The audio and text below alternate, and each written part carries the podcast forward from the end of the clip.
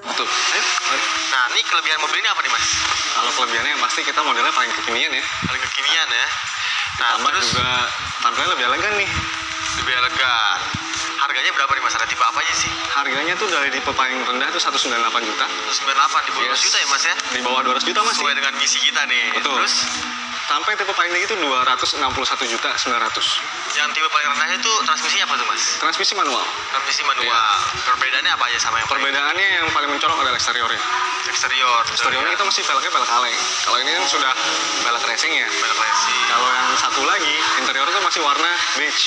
Oh, kalau Di ini atasnya warna gelap, merah dan warna hitam. hitam. Nah, Terus, Mas, pajaknya berapa sih? Kalau Pajaknya itu angkanya 3.780.000. Oh masih terjangkau juga Masih lah terjangkau. ya. Beda tipis sama Darsun yang Betul. tadi ya.